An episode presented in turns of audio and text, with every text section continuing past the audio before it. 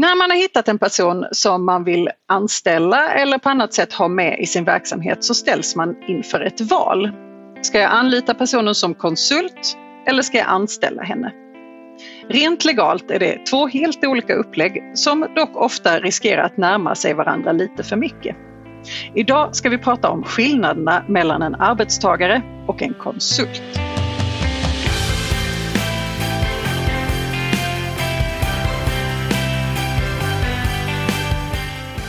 Hej och välkommen till Arbetsrättspodden. Podden för dig som verkar inom HR eller hanterar personalfrågor i din vardag. I den här podden vill vi bjuda på nya infallsvinklar och dela med oss av vår kunskap till dig som arbetar inom HR-området. Jag heter Emelie Svensäter Jerntorp och arbetar som advokat inom arbetsrätt här på Vinge. Och med mig idag har jag min kollega Åsa Gotthardsson som är delägare och arbetar med arbetsrätt här på vårt Stockholmskontor. Hej Åsa! Hej Emelie! Det är inte ovanligt att vi får frågor om arbetstagare och konsultrelationen och det är egentligen inte så svårt att förstå varför, för många tycks hamna i något av en gråzon här. Så låt oss reda ut vad det egentligen är för skillnader på en arbetstagare och en konsult och hur man kan avgöra vad man har för en relation. Så Åsa, vad skulle du säga är den största skillnaden mellan en arbetstagare och en konsult? Ja, men den allra största skillnaden är, skulle jag säga, lagen om anställningsskydd. Hur menar du då? Den lagen är bara tillämplig på en anställningsrelation eh, och således inte tillämplig om man har en konsultrelation. Okej, okay, och vad, vad, innebär då LAS tillämplighet? Ja, men LAS innehåller ju en hel del regler om eh, anställningsformer, det vill säga kan man, eh, är man tillsvidareanställd, är man allmänt visstidsanställd, har man ett vikariat. Det innehåller ju också regler om hur man säger upp en anställning och hur lång en visstidsanställning får vara till exempel innan den då automatiskt blir en tillsvidareanställning. Det finns ju också regler om eh, när man, om man då har rätt att säga upp, hur ska man säga upp eller hur ska man gå tillväga för att säga upp på ett riktigt sätt och så vidare. Så vi har ett ganska strikt regelverk i LAS egentligen. Ja men precis, som ju då är tanken att skydda en person eh, som har en anställning från eh, den här liksom lite mer eh, styrkepositionen som en arbetsgivare då anses ha. Men om LAS då inte är tillämpligt på en konsult, vad gäller för en konsult? Ja, men en konsult och ett, eh, en uppdragsgivare anses ju då vara mer eh, jämställda i, i relationen och därför är det i princip ett vanligt kommersiellt avtal som man eh, mer eller mindre kan eh, komma överens om villkoren eh, mellan parterna. Så där råder en avtalsfrihet? Egentligen. Ja men precis. Mm. Men ändå så blir det så att eh, det här kan vara lite, lite trixigt att veta hur, var, var, åt vilket håll man ska gå här. Eh, vem, för vem är det egentligen som bestämmer om det är en arbetstagarrelation eller en konsultrelation? Ja, men en vanlig missuppfattning är att parterna kan bestämma det här helt och fullt själva. Och eh, kanske framförallt liksom att man eh, tror att det är enklare att ha ett konsultförhållande och så tänker man att det kan, det kan vi styra. Vi, vi tecknar ett konsultavtal och så kör vi på eh, det helt enkelt. Men, eh, men riktigt så enkelt är det ju inte. Eh, helt enkelt. Så vem är det då som avgör? Så det är inte parterna. Det spelar ingen roll egentligen vad som står i avtalet vem bestämmer då? Nej men det som, det som styr eller det som kommer eh, helt enkelt bestämma eh, det här det är helhetsbilden. De omständigheter som, som de facto gäller mellan parterna. Vad har man kommit överens om i avtalet men också vad som egentligen i praktiken eh, sker kommer avgöra. Och den bedömningen, ifall man inte gör den eh, under relationens gång så risken är att man hamnar i en situation där det är Arbetsdomstolen eller Skatteverket som ska göra den bedömningen då. Ja men precis. Men låt oss då titta mer på vilka omständigheter som faktiskt kan innebära att en anställning anses föreligga trots att man har ingått ett konsultavtal. För det är ju så att man ska göra en helhetsbedömning i detta. Ja men precis och vi kan väl gå igenom dem en och en. Eh, och låt mig börja med eh, begreppet eh, som är väldigt, väldigt viktigt, det vill säga självständighetsrekvisitet. Har man ett uppdrag för en uppdragsgivare som man utför på heltid så är man ju väldigt beroende av den inkomsten och, och det arbetet för, för sin konsultverksamhet. Eh, medan om man har 20 uppdrag för olika uppdragsgivare så om ett faller undan så är man inte helt enkelt lika beroende av det uppdraget. Det är det ena i självständigheten. Det andra är ju också vem som egentligen kontrollerar arbetet och hur det ska utföras och så vidare. Och det här är, är mycket viktiga omständigheter skulle jag säga på, i, om man tittar på helheten. Nästa del, eller nästa steg i listan skulle kunna vara hur man hur mycket man pekar ut en viss person i avtalet. Alltså är det så att det bara är Åsa Gotthardsson som får lov att utföra det här arbetet eh, och det kanske till och med inte riktigt finns någon god grund till varför det är just bara Åsa Gotthardsson som ska göra detta. Ja, då, då är det ju återigen någonting som är knutet mer till individen än till, till själva uppdraget som sådan, att man ska ha ett, ett uppdrag som, som utförs, inte att det ska utföras av en viss person. Ja men precis. Men just när det gäller det här med att eh, man pekar ut en viss person, det är ju någonting som väldigt många vill göra. Så jag vill understryka att det i sig behöver ju inte innebära att det anses vara ett anställningsförhållande. För det kan ju vara så att anledningen till att man anlitar just det här konsultbolaget det är att de har den här personen som, eh, som kan tillhandahålla den här spetskompetensen till exempel. Och då är det klart att man ska kunna göra det men det är en indikation på att det skulle kunna bli en, en, ett anställningsförhållande om många andra omständigheter också gör att det tippar över såklart. Ja och kanske också en väckarklocka tänker jag att om det är så att man är väldigt intresserad av en viss specifik person så kanske man ändå ska ta en, en extra runda kring de övriga omständigheterna för att själv förstå vad är det vi egentligen vill ha här. Vill vi anställa en person egentligen? Är det det egentligen det här handlar om? Eller är det ett konsultupplägg där vi just som du säger behöver en viss expertis?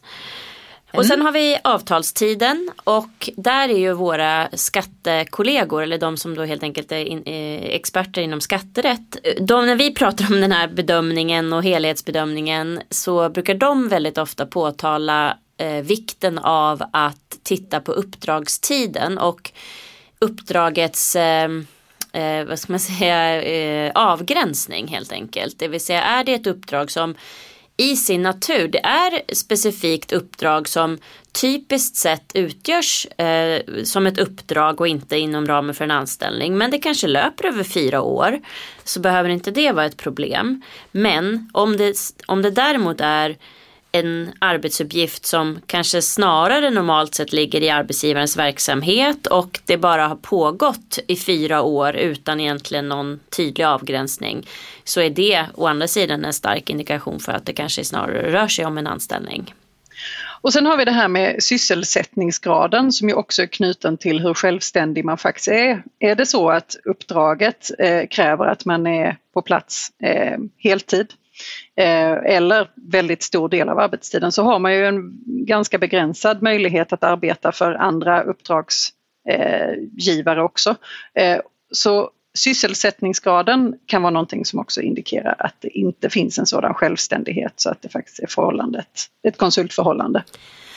Och en annan viktig fråga är det här med F-skattbevis. Och Eh, i vilken form då man bedriver sin konsultverksamhet. Man kan ju bedriva konsultverksamhet i en enskild firma eller i aktiebolag eller i annan form. Där kommer bedömningen så att säga påverkas av vilken form man bedriver verksamheten i.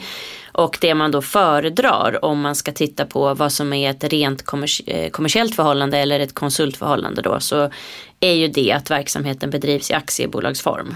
Återigen att det, det är helt enkelt inte jätteknutet till individen. Nej men precis och det är just för att det här, ja, filter kanske inte är rätt eh, uttryckt men liksom att det är någon typ av avgränsning eller någonting emellan helt enkelt individen och uppdragsgivaren.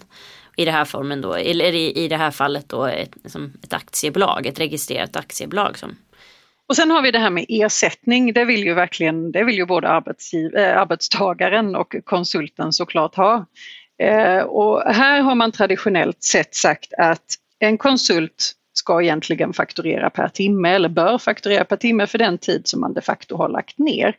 Eh, men där kan man väl säga att vi ser ju en dragning mot att försöka göra detta mer på månadsbasis så att man, man har satt eh, man har gett ett estimat för vad detta kommer kosta månadsvis och man fakturerar istället månadsvis en, en, eh, en överenskommen summa. Och det kanske är så att det, det drar mer åt det just nu.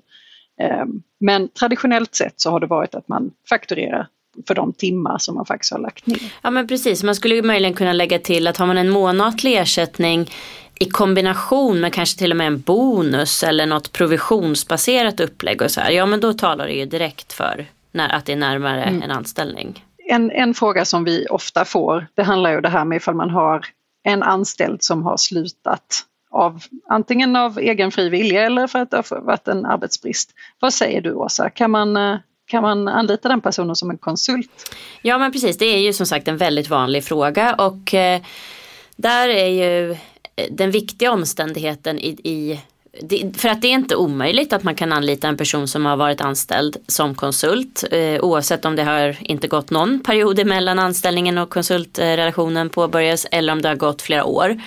Ehm, så, så handlar det väldigt mycket om, liksom, är det en fortsättning på det man har gjort som anställd eller är det ett nytt uppdrag eller någon ny typ av form eller nya villkor för det. Det vill säga har man varit anställd på heltid så ja då kan man kanske avsluta det där i ett konsultupplägg eh, om man gör det på 10% medan man har andra uppdrag. Men om man fortsätter bara liksom, i oktober var man anställd och från första november så har man en konsult eh, eh, men allt annat är lika. Ja då skulle jag säga att då är det egentligen nästan helt säkert att det är en anställning som fortsätter. Och då måste jag ju såklart peta lite på det där. Så du sa nu oktober till november, men eh, om man tar ett litet långt jullov där, november och december, så man har, man har ett par månaders uppehåll och första januari står jag redo att arbeta som konsult. Vad skulle du säga? Ger det, ger det ett grönt kort? Ja, precis. Nej, men egentligen är det inte så att man kan säga att det är en viss tidsgräns och det är inte ens säkert att en viss tidsgräns, alltså att det har gått ett år, spelar någon roll.